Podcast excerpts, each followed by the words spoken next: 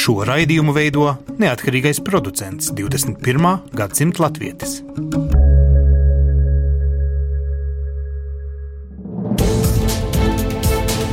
Septiņas dienas Eiropā piedāvā Eiropas radiotīkls Eironet.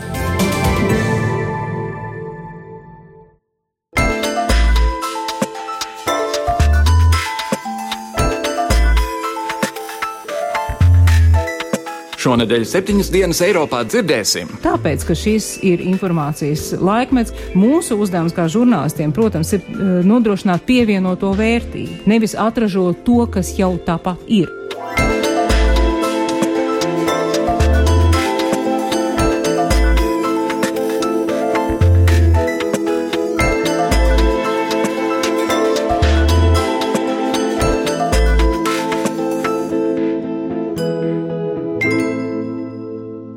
Labdien, godējumie klausītāji, un sveicināti jaunākajā septiņas dienas Eiropā izlaidumā Latvijas radio studijā Kārlis Streips. Vācu laikraksts Frankfurter Allgemeine Zeitung ziņo, ka Polijas premjerministra Beāta Šidlo ir aicinājusi Vācijas valdību paskaidrot to, kas notiek aiz valsts robežām. Polijas premjera vēlas sīkākus skaidrojumus par nesenajiem vardarbīgajiem uzbrukumiem, kas notikuši Vācijā. Pēdējo nedēļu laikā mēs esam dzirdējuši par daudzajiem teroristu uzbrukumiem. Šie notikumi satrauc arī polijas pilsoņus. Tā šildo. Polijas konservatīvā valdība jau sen ir kritiska pret Vācijas bēgļu politiku. Tā noraida obligāto kvotu sistēmu, kas uzliek pienākumu ar Eiropas Savienības dalību valstīm uzņemt daļu no bēgļiem, kas ierodas Eiropā, jo, kā atzīst, uzskata, ka bēgļu uzņemšana veicina terora riskus valstī. Kanclere Angela Merkele ir aizstāvējusi savu atvērto durvju politiku, ļaujot simtiem tūkstošiem migrantu un bēgļu ierasties Vācijā pagājušajā vasarā. Merkele atzīst, ja Vācija nebūtu atvērusi savas durvis humanās krīzes priekšā, tas būtu varējis novest pie vēl sliktākām sekām. Tālāk šodienas raidījumā par ziņām un faktiem, par pieņēmumiem un to, ko zinām, par mediju un teroristu miedarbību, kā arī mediju atbildību terora laikmetā. Bet vispirms Turcija pārmet Eiropas Savienībai, ka tā vēl parādā Turcijai vairāk nekā 2 miljardus eiro, kas solīti par bēgļu atpakaļ uzņemšanu. Turklāt vēl esot bijusi runa bezvīzu režīma ieviešanas kontekstā, tomēr Eiropā diplomāti pārmet Turkiem tiesiskumu un demokrātisko vērtību neievērošanu.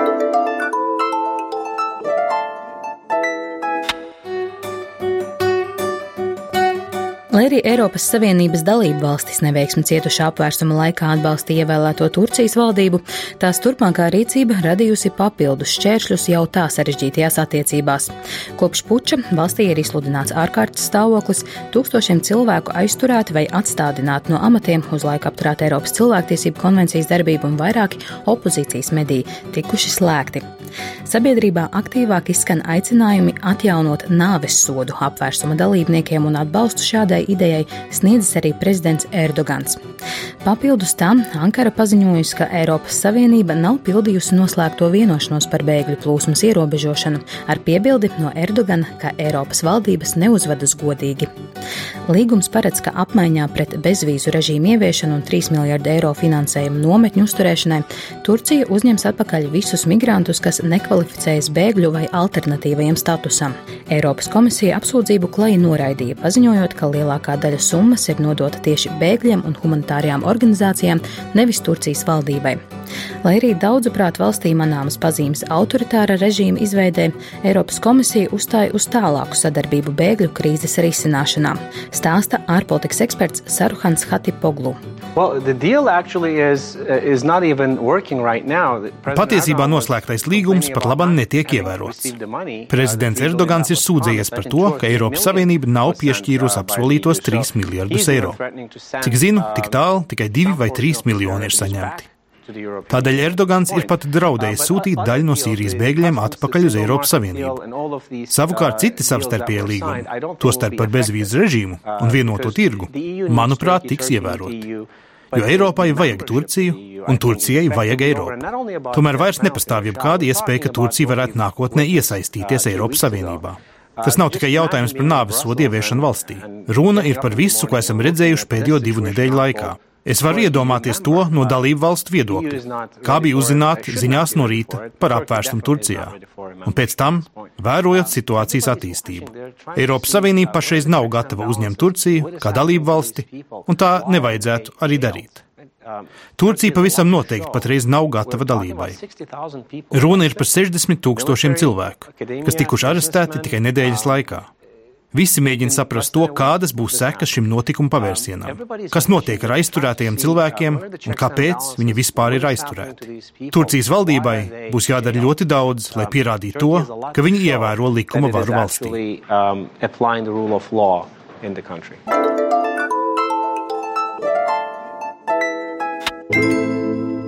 Masu mēdīju un terorisms kļuvuši arvien ciešāk saistīti. Šī miedarbība bieži vien tiek ciniski dēvēta par apusēji izdevīgu. No vienas puses, masu mēdīji izmanto neskaidrību un apjukumu, ko rada teroristu uzbrukumi, lai ražotu ar vien dramatiskākas ziņas, tādējādi pievēršot un noturot savu klausītāju, skatītāju un lasītāju uzmanību. No otras puses, ekstrēmisti rūpīgi aprēķina savu uzbrukumu mērķi, vietu un laiku, lai iegūtu plašāku mediju uzmanību un panāktu globāla mēroga reklāmu savam ziņojumam.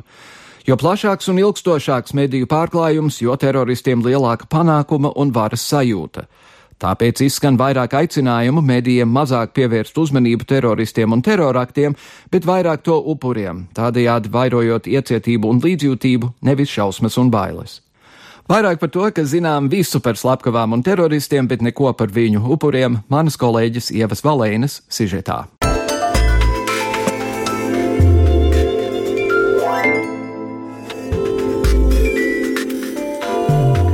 Pēdējo pāris nedēļu laikā Eiropā notikuši vairāki uzbrukumi civiliedzīvotājiem. Daļa no uzbrucējiem izrādījušies teroristi, bet citiem ar noziedzīgām organizācijām nav bijis nekāda sakara, kas, protams, sabiedrībai atstāja daudz jautājumus, no kuriem galvenie ir, kāpēc cilvēks nolēma nogalināt nejaušus garām gājējus vai veikala apmeklētājus, kas notiek slepkavas prātā. Masu apšaudēm ir veltīti neskaitāmi pētījumi, piemēram, ASV bāzētais nozieguma pētniecības un prevencijas centrs, pētot masu apšaudas ASV no 2009. gada janvāra līdz 2014. gada jūlijam, atklāja, ka vairāk nekā pusē no slepkavām iepriekš bija diagnosticēta kāda garīga saslimšana.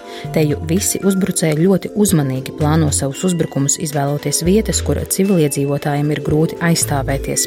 Psihiatrijas profesors Džeims Knols kā vienojošs elements nosauc arī cilvēku cilvēku aizrautību ar ieročiem, karu, militāro un izdzīvošanas kultūru. Knols arī uzskata, ka masu slepkavas ir netaisnību uzskaitītāji, kuri baro savu narcisismu. Šīs ir lietas, kuras izpētīt ir vismaz šķietami vienkārši. Tie ir skaitļi, tabulas, izdzīvotāju interviju analīze, bet to, kāpēc cilvēki izšķiras veikt šādus uzbrukumus, pārbaudīt nav vienkārši. Bijušais Amerikas psihologa apvienības prezidents Franks Fārlijs vairāk kārt intervijās norādījis, ka masu slepkavām ir tik dažādi modeļi, ka psihologiem ir ļoti sarežģīti atsījāt kopīgas pazīmes. The way that I think about it is it's a recipe. Es domāju, ka tā ir recepte, un tai ir daudz sastāvdaļu. Psiholoģijā nav pierādīts nekas, kas balstās tikai uz vienu pazīmi. Tā vienmēr ir recepte, un šī recepte var ļoti krasi atšķirties katram no uzbrucējiem. To ir ļoti svarīgi atcerēties, jo tas padara šādu noziegumu paredzēšanu ļoti sarežģītu. Atklāti sakot, mēs nezinām, kas ir galvenās sastāvdaļas.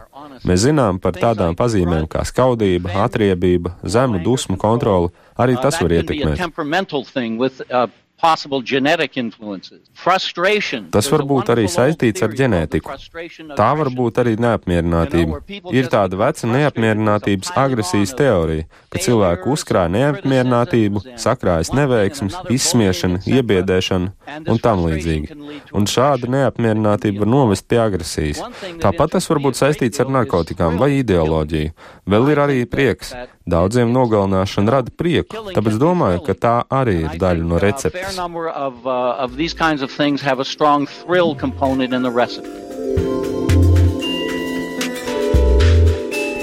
Arizonas Universitātes matemātiķis Šerijs Tovers savukārt izpētījis, ka masu apšaudes ir lipīgas un ka viena masu apšaude iedvesmo vidēji 0,03 citas. Iedvesmojies bija arī Mīnhenes šāvējs. Apšauda Mīnhenē notika 5. gada dienā kopš uzbrukumiem Norvēģijā. Ziņos, ka uzbrukumi civiliedzīvotājiem Norvēģijā 2011. gadā, kā arī apšauda vienā no Bavārijas skolām 2009. gadā, iedvesmojušas Mīnhenes šāvēju. Viņa mantās atrast arī grāmata, kas veltīta bērniem masu slepkavām un tam, kas darās viņu prātos. Mīnhenes šāvējs, tāpat kā liela daļa no šāda veida uzbrucējiem, dzīve beidz izdarot pašnāvību vai arī panākot, ka viņus nošauj policija policija. Psihologi norāda, ka pašnāvības akts ir kā pēdējā nodaļa, ko uzbrucējs pasaka. Tā dod viņam vai viņai kontroli, turklāt tā liedz viņu sodīt tiesas priekšā, kas palielina netaisnības sajūtu sabiedrībā. Tāpat masu slepkavas bieži uzrunā doma, ka viņu stāstu izplatīs visā pasaulē, ka nogalinot savus līdzcilvēkus, viņi tiks pie savas slavas stundas un gozēsies mediju virsrakstos. Arī teroristi, līdzīgi kā masu slepkavas, vēlas iegūt uzmanību, tikai vēstījumi ir ļoti atšķirīgi. Ja viens stāsts drīzāk ir veltīts pašam slepkavam, viņa dzīvei, tad otram ir politisks, reliģisks vai ideoloģisks motīvs. Abi parasti izvēlas par mērķi civiliedzīvotājus un vēlas sēt bailes. Jautājumu par mediju lomu šādu notikumu atspoguļošanā šobrīd ļoti nopietni uztver Francijā, kas pēdējā pusotra gada laikā cietusi vairākos teroraktos. Vairākas mediju organizācijas ir paziņojušas, ka, ja terorakti atkārtosies, tās neziņos teroristu vārdus un nepublicēs viņu fotogrāfijas, lai izvairītos no situācijas, ka kāds varētu izmantot šos rakstus vai sižetus, lai glorificētu slepkavas. Tāpat daudzi Francijas mediji vairs nepublicēs paziņojumus par to, kas ir uzņēmies atbildību par teroraktiem faktiem. Džeims Krīdons, TV kanāla France 24 žurnālists pagājušajā nedēļā skaidroja gan viņa pārstāvētā, gan arī citu mediju lēmumu neizplatīt teroristu vārdus un fotogrāfijas.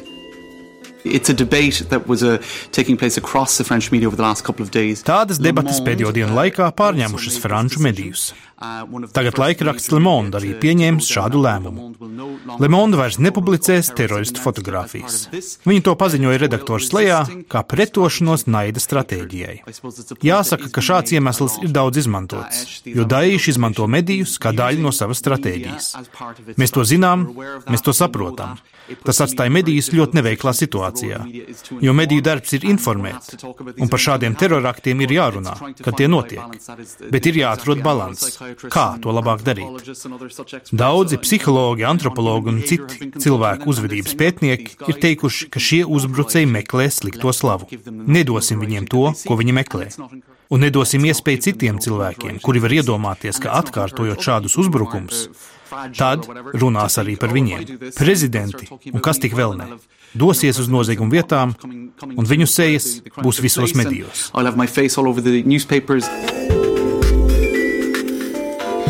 Savukārt Britu medijas The Guardian veidoja tiešsaistes diskusiju ar saviem lasītājiem par to, kā medijiem vajadzētu atspoguļot teroraktus. Viens no lasītājiem nosauca teroristu fotografiju nerādīšanu par cenzūru. Cits lasītājs norādīja, ka medijam ir jāpievērš uzmanība savai ziņu pasniegšanas manierei, tāpēc, ka dažas no reportāžām spēja arī grūst cilvēkus teroristu grupējumu apskāvienos, nemitīgi nostādot islāmu un rietumus pozīcijā mēs pret viņiem. Savukārt vēl cits lasītājs uzskata, ka franču mediji, kas turpmāk vairs nepublicēs teroristu vārdus un fotogrāfijas, rīkojas pareizi, bet vēl kāda lasītāja norāda, ka publicēt nevajadzētu ne teroristu, ne upuru fotogrāfijas un vārdus, bet viņu biogrāfijas gan. Turklāt šādi rīkoties var ne tikai mediji. Pēc apšaudas koledžas teritorijā ASV Oregonas štatā pagājušā gada oktobrī šerifs Džons Henlins atteicās izmantot šāvēju vārdu preses konferencē, tā vietā lūdzot arī medijus koncentrēties nevis uz uzbrucēju, bet viņa upuriem. Jāsaka gan, ka upuru pieminēšana un viņu biogrāfijas atstāstīšana medijos nav tik populāra kā uzbrucēja dzīves gājuma atklāšana.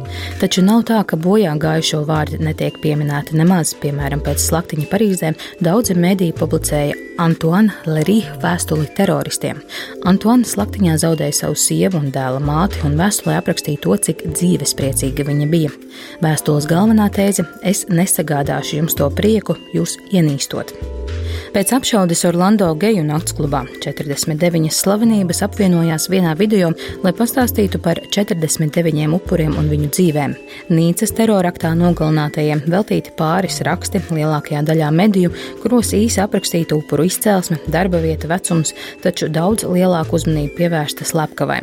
Tāpēc mēs septiņas dienas Eiropā, solidarizējoties ar upuriem, medijiem un sabiedrību, stāstot par teroraktiem un masu slepkavībām, turpmāk varmāku vārdus nepieminēsim. Kā redzams, tas, kā mēdīji ziņo par teroristu uzbrukumiem, palīdz izplatīt fundamentālistu vēstījumu globālajai auditorijai, palīdz tiem piepulcēt sev atbalstītājus un nostiprina terora veicēju vēlamās bailes plašākā sabiedrībā. Turklāt ziņošana rada sabiedrības negatīvu reakciju pret visiem musulmaņiem. Vai drīkstam turpināt izcelt vārdarbību kā lielu ziņu, bet stabilitātes un kārtības centienus nē?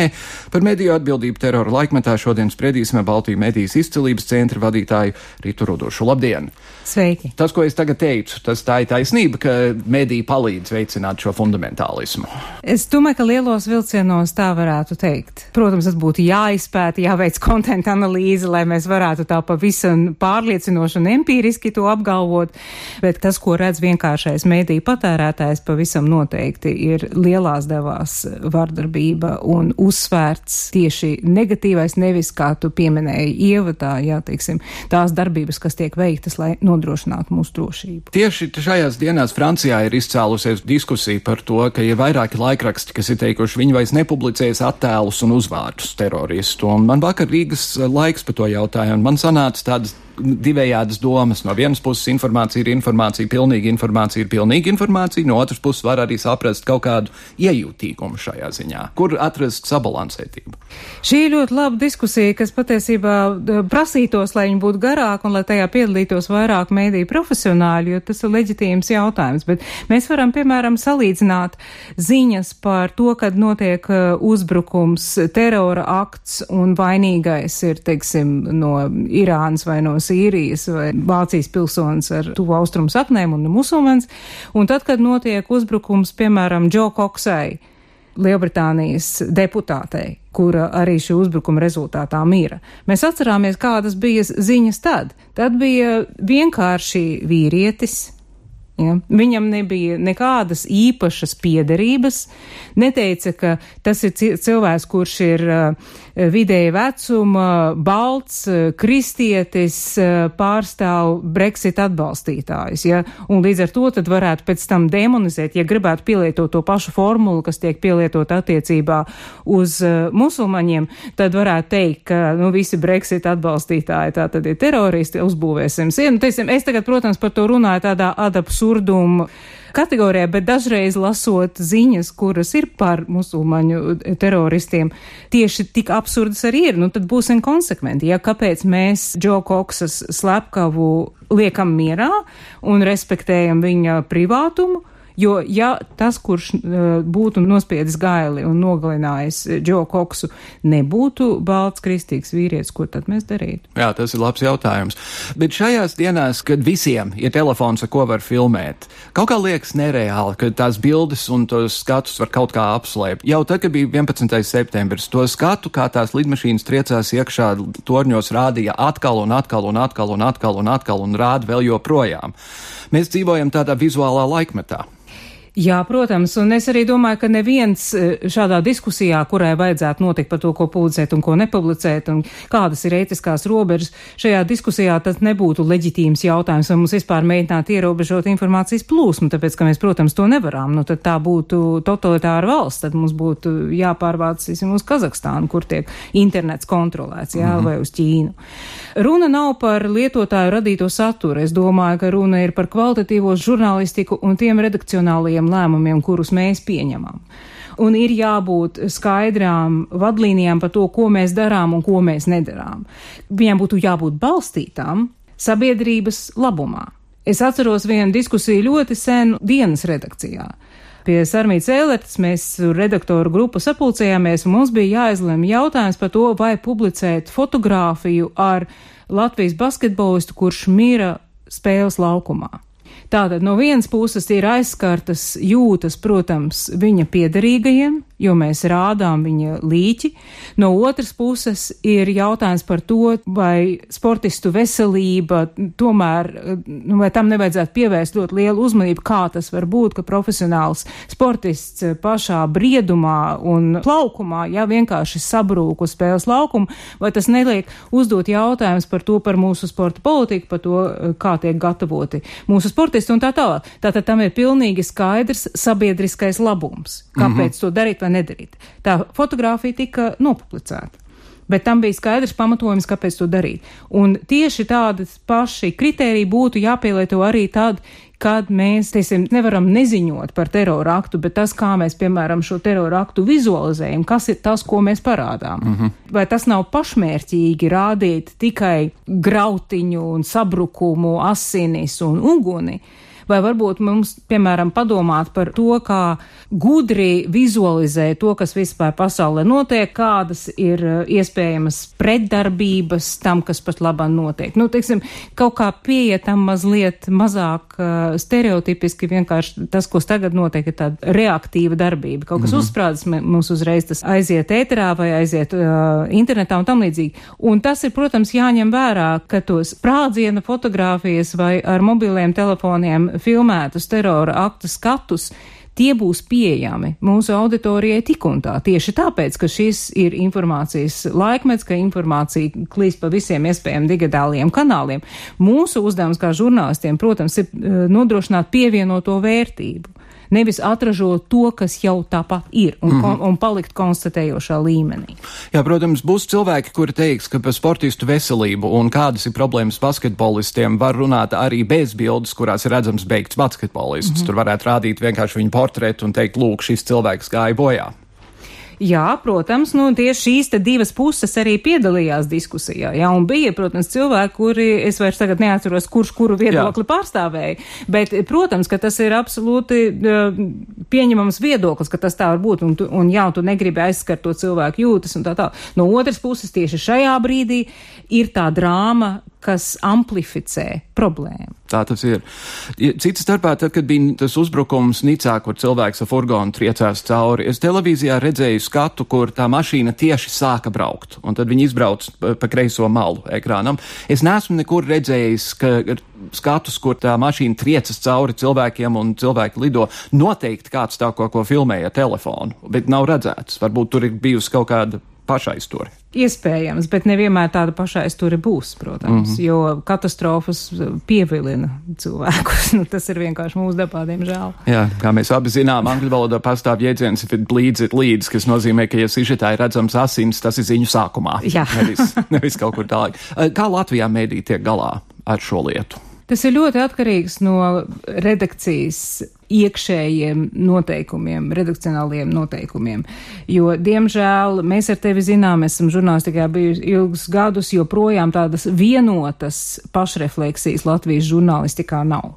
Mums nav profesionāla saruna bijusi tāda, kas būtu novedusi pie ētikas standartiem, kas ir visiem vienlīdz saistoši. Mums arī nav mēdīju ombuda un tam līdz kaut kādu vienojošu struktūru. Mums ir divas dažādas žurnālistu organizācijas. Un līdz ar to runāt kaut kādos vispārīgos vilcienos ir grūti. Bet, protams, ka katrai redakcijai ir savi iekšējie ētikas standarti un lēmumi par to, ko rādīt, ko nerādīt, kam pievērst lielāku uzmanību, kam pievērst mazāku uzmanību, ir tad konkrētās redakcijas atbildība. Bet arī tas, pie kādiem secinājumiem cilvēki nonāk, jo mums ir avīzes, viena konkrēta avīze, viena konkrēta Ventspiliska avīze, protams, neko nesaucot vārdā, kur ir lietojusi katru uzbrukumu, kāds ir noticis Eiropā, lai aģitētu par to, ka tas nozīmē, ka migrantus nē, tas nozīmē, ka mums ir jābaidās un tā tālāk un tā joprojām. Jā, jo bez tā, ka ir ētikas standarti, ir, protams, arī redakcionālā politika, kas ir balstīta konkrētā mēdīju izdevuma filozofijā un vērtībās. Jā. Ja tas ir vairāk uh, labēji noskaņots uh, izdevums, tad, protams, ka šie terora akti tiks tiks izmantoti kā pastiprinošs, teiksim, faktors labējās politikas atbalstīšanai. Ja, ja ir cita ievirze, nu Latvijai grūti runāt par izteikti politiski iekrāsotām, mums vairāk tādas interešu grupu pārstāvošas mēdīju organizācijas. Bet, ja mēs paskatāmies, teiksim, tur, kur ir uh, pieaugušākās demokrātijās, jā, ir izteikti kreisi uh, laikraksti, sevišķi laikrakstos tas ir izteikts. No Amerikā ir, protams, arī televīzijas kanāli, kas mm -hmm. ar ļoti skaidru, teiksim, politisko nostāju, ja, un politisko nokrāsu ziņo, ja, un tad ir atkal labējie, un tad viņi ņem šo konkrēto notikumu un interpretē tā, kā viņu pārliecība to diktē. No otras puses, runājot par ziņām, ziņa ir ziņa. Nu, ideālā pasaulē žurnālistam, kurš ziņo par kaut kādu notikumu, piešķirtam plašāku kontekstu un tā tālāk, nevajadzētu vadīties ne no labējiem, ne no kreisiem, ne no kādu interešu grupu apsvērumiem. Jā. Ko ar to iesāk komentētāji, tas jau ir cits jautājums, jo, protams, ka komentāru lapusē vai komentāros citos mēdījos ir iespējams dažādas interpretācijas. Protams, jaunieši mūsdienās lielākoties informāciju saņem no nevis no laikrakstiem. Mēs, mēs vecīši lasām laikrakstus no rītiem, bet uh, internetā. Un par šo lietu es esmu cilvēkiem Delfos diezgan daudz runājis par to, kā sabalansēt informāciju un vizuālo aspektu. Tāpēc, ka šie lielie portāli, viņiem ir jāmirkuļo. Viņiem ir jābūt ar entiem lodziņiem, ar entām bildēm, ar, ar reklāmu kaut kur pa vidu un tā tālāk un tā joprojām. Un es nekad neesmu īsti sapratis, kā cilvēks kā var īsti koncentrēties tā kaut ko skatoties. Nu, jautājums ir. kā tu pievērs uzmanību tam saturam, kas tev ir. Un es domāju, ka nu, portāliem arī ir jāpārdomā, kā viņi strādās ar šo pašu jauno auditoriju, tāpēc, ka jauna auditorija jau nesēž portālos, jauna auditorija sēž uh, mobīlajos telefonos, ja? un visā, kas ir pieejams tur. Tātad tev ir jāatrod veids, kā šo cilvēku aizsniegt, un tur patiesībā ar mirguļošanu nepietiek. Ja? Mm -hmm. Tur ir vienkārši jābūt ļoti gudrai sociālo tīklu politikai. Bet, nu, arī es neteiktu, ka visi portāli, tiksim, mirguļo, jā, ir ļoti dažādi pieeja dizainam, jā, jā. jā, ir, ir lielāki uz, mi, uz minimālismu vērsti, citi atkal ir ļoti pārblīvēti ar informāciju, bet, protams, ka tas dzinulis, ka tev ir visu laiku jāražo kaut kas jauns, ka tev nepārtraukti ir, ir jādod jaunas ziņas, ka būtībā apjomam ir milzīga nozīme šajā augstas konkurences tirgu un arī šajā tirgu, kur, teiksim, tas uzmanības lodziņš, ko mēdī patērētājs spēj tev veltīt, ja, ar katru gadu sarūk un sarūk un sarūk, ja, mm. es pat bijis pētījums, es diemžēl neatceros, kur es to lasīju, par to, ka average attention span, tātad uh, uzmanības lodziņš, ko vidējais amerikāns uh, var veltīt jebkam rakstītam, ja, ir, ir cik tur sekundes, kas ir mazāk nekā akvārija zivtiņai. Nu, tas, tas ir īsti. Un tā mēs esam nonākuši pie tā. Tā mēs esam nonākuši Filtram. Par kuru ir stipri ticams, ka viņš nekad mūžā nav lasījis grāmatu, kamēr viņš ir bijis pieaudzis, bet tā nav mūsu tēma. Jā. Tas nebija nemaz tik sen, kad veids, kā mēs dabūjām informāciju, bija noskatīties panorāmu vakarā un tad izlasīt cīņu no rīta vai kaut ko citu lasīt no rīta. Tas nemaz nebija tik sen. Vai mēs esam labāka sabiedrība, tāpēc, ka tagad mēs varam jebkurā diennakts laikā uzzināt jebko? Labāka. Informētāka.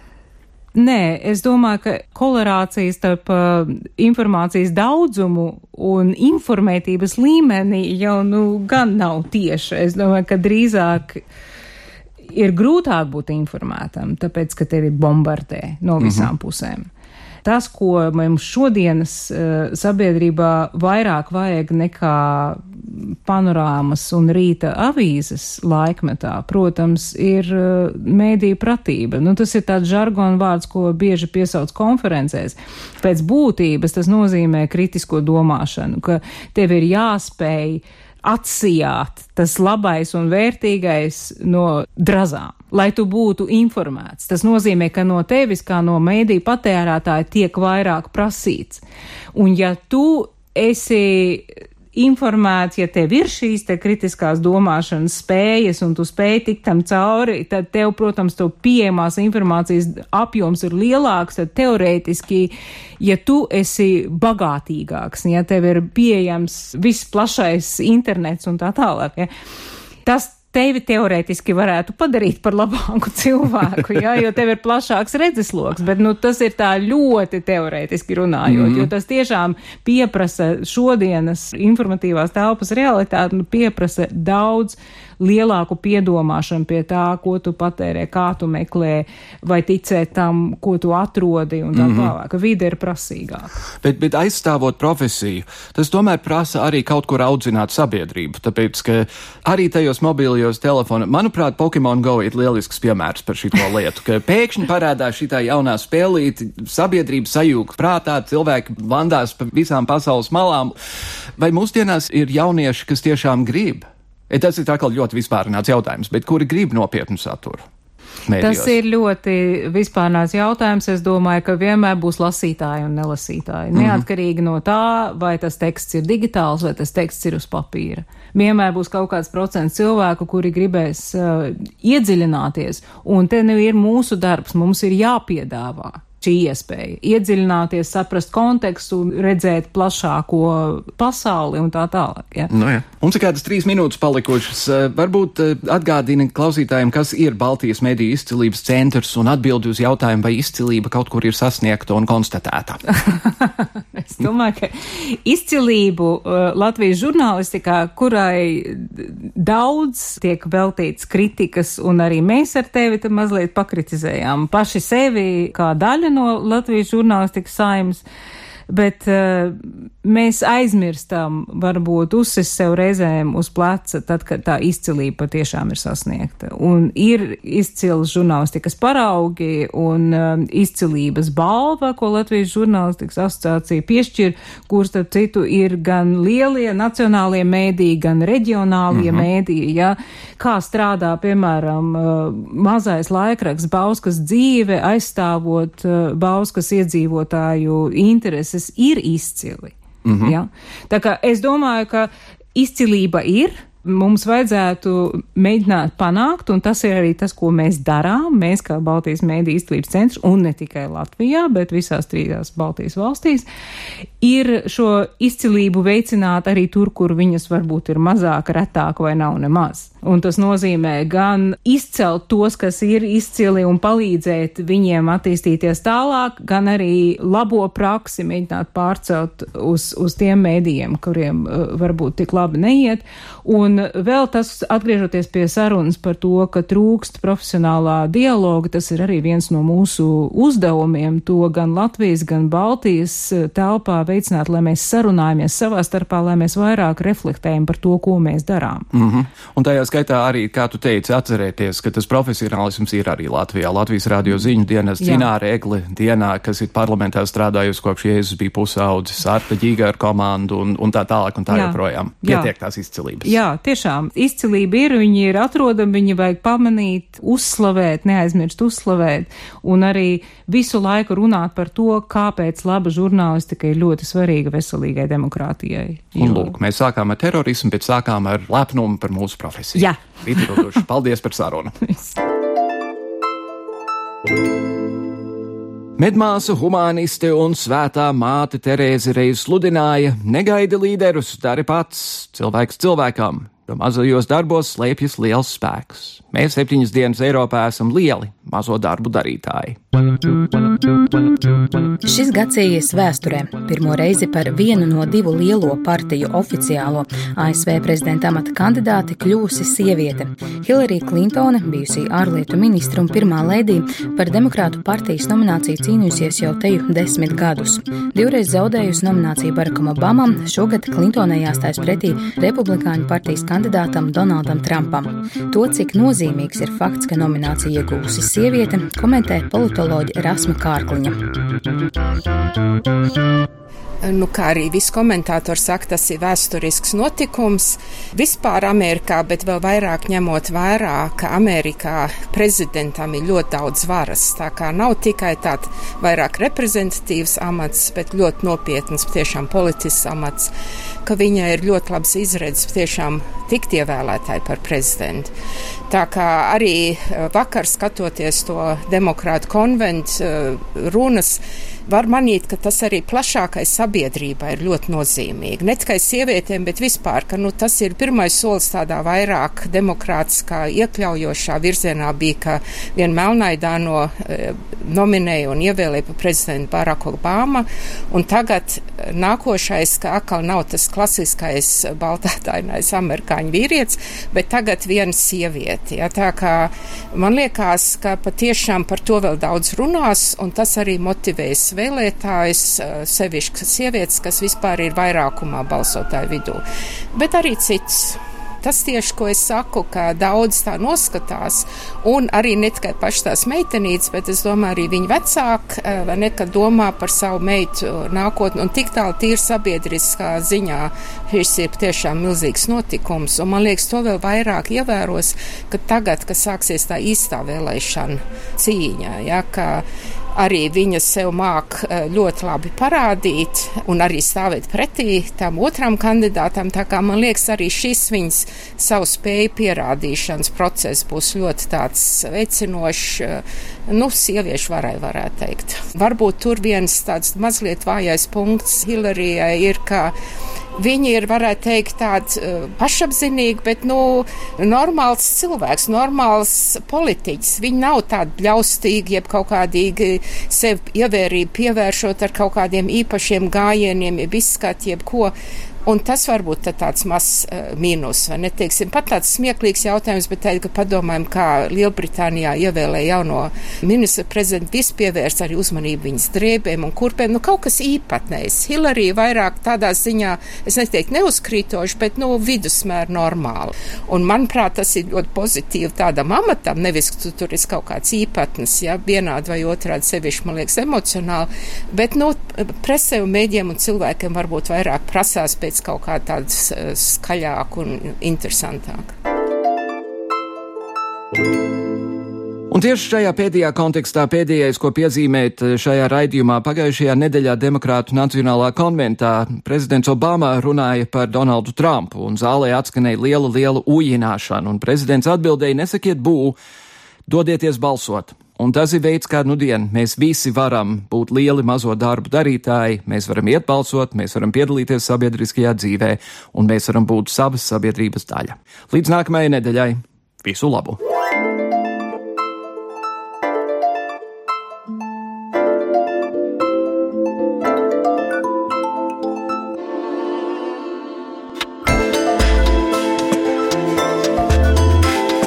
Raidījumu veido Kārlis Streips Ieva Valēne un Jānis Krops.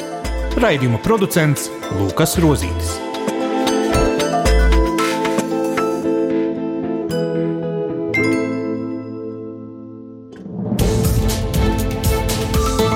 Visus Eironet plus sižetus un raidījumus meklējiet Latvijas radio mājaslapā.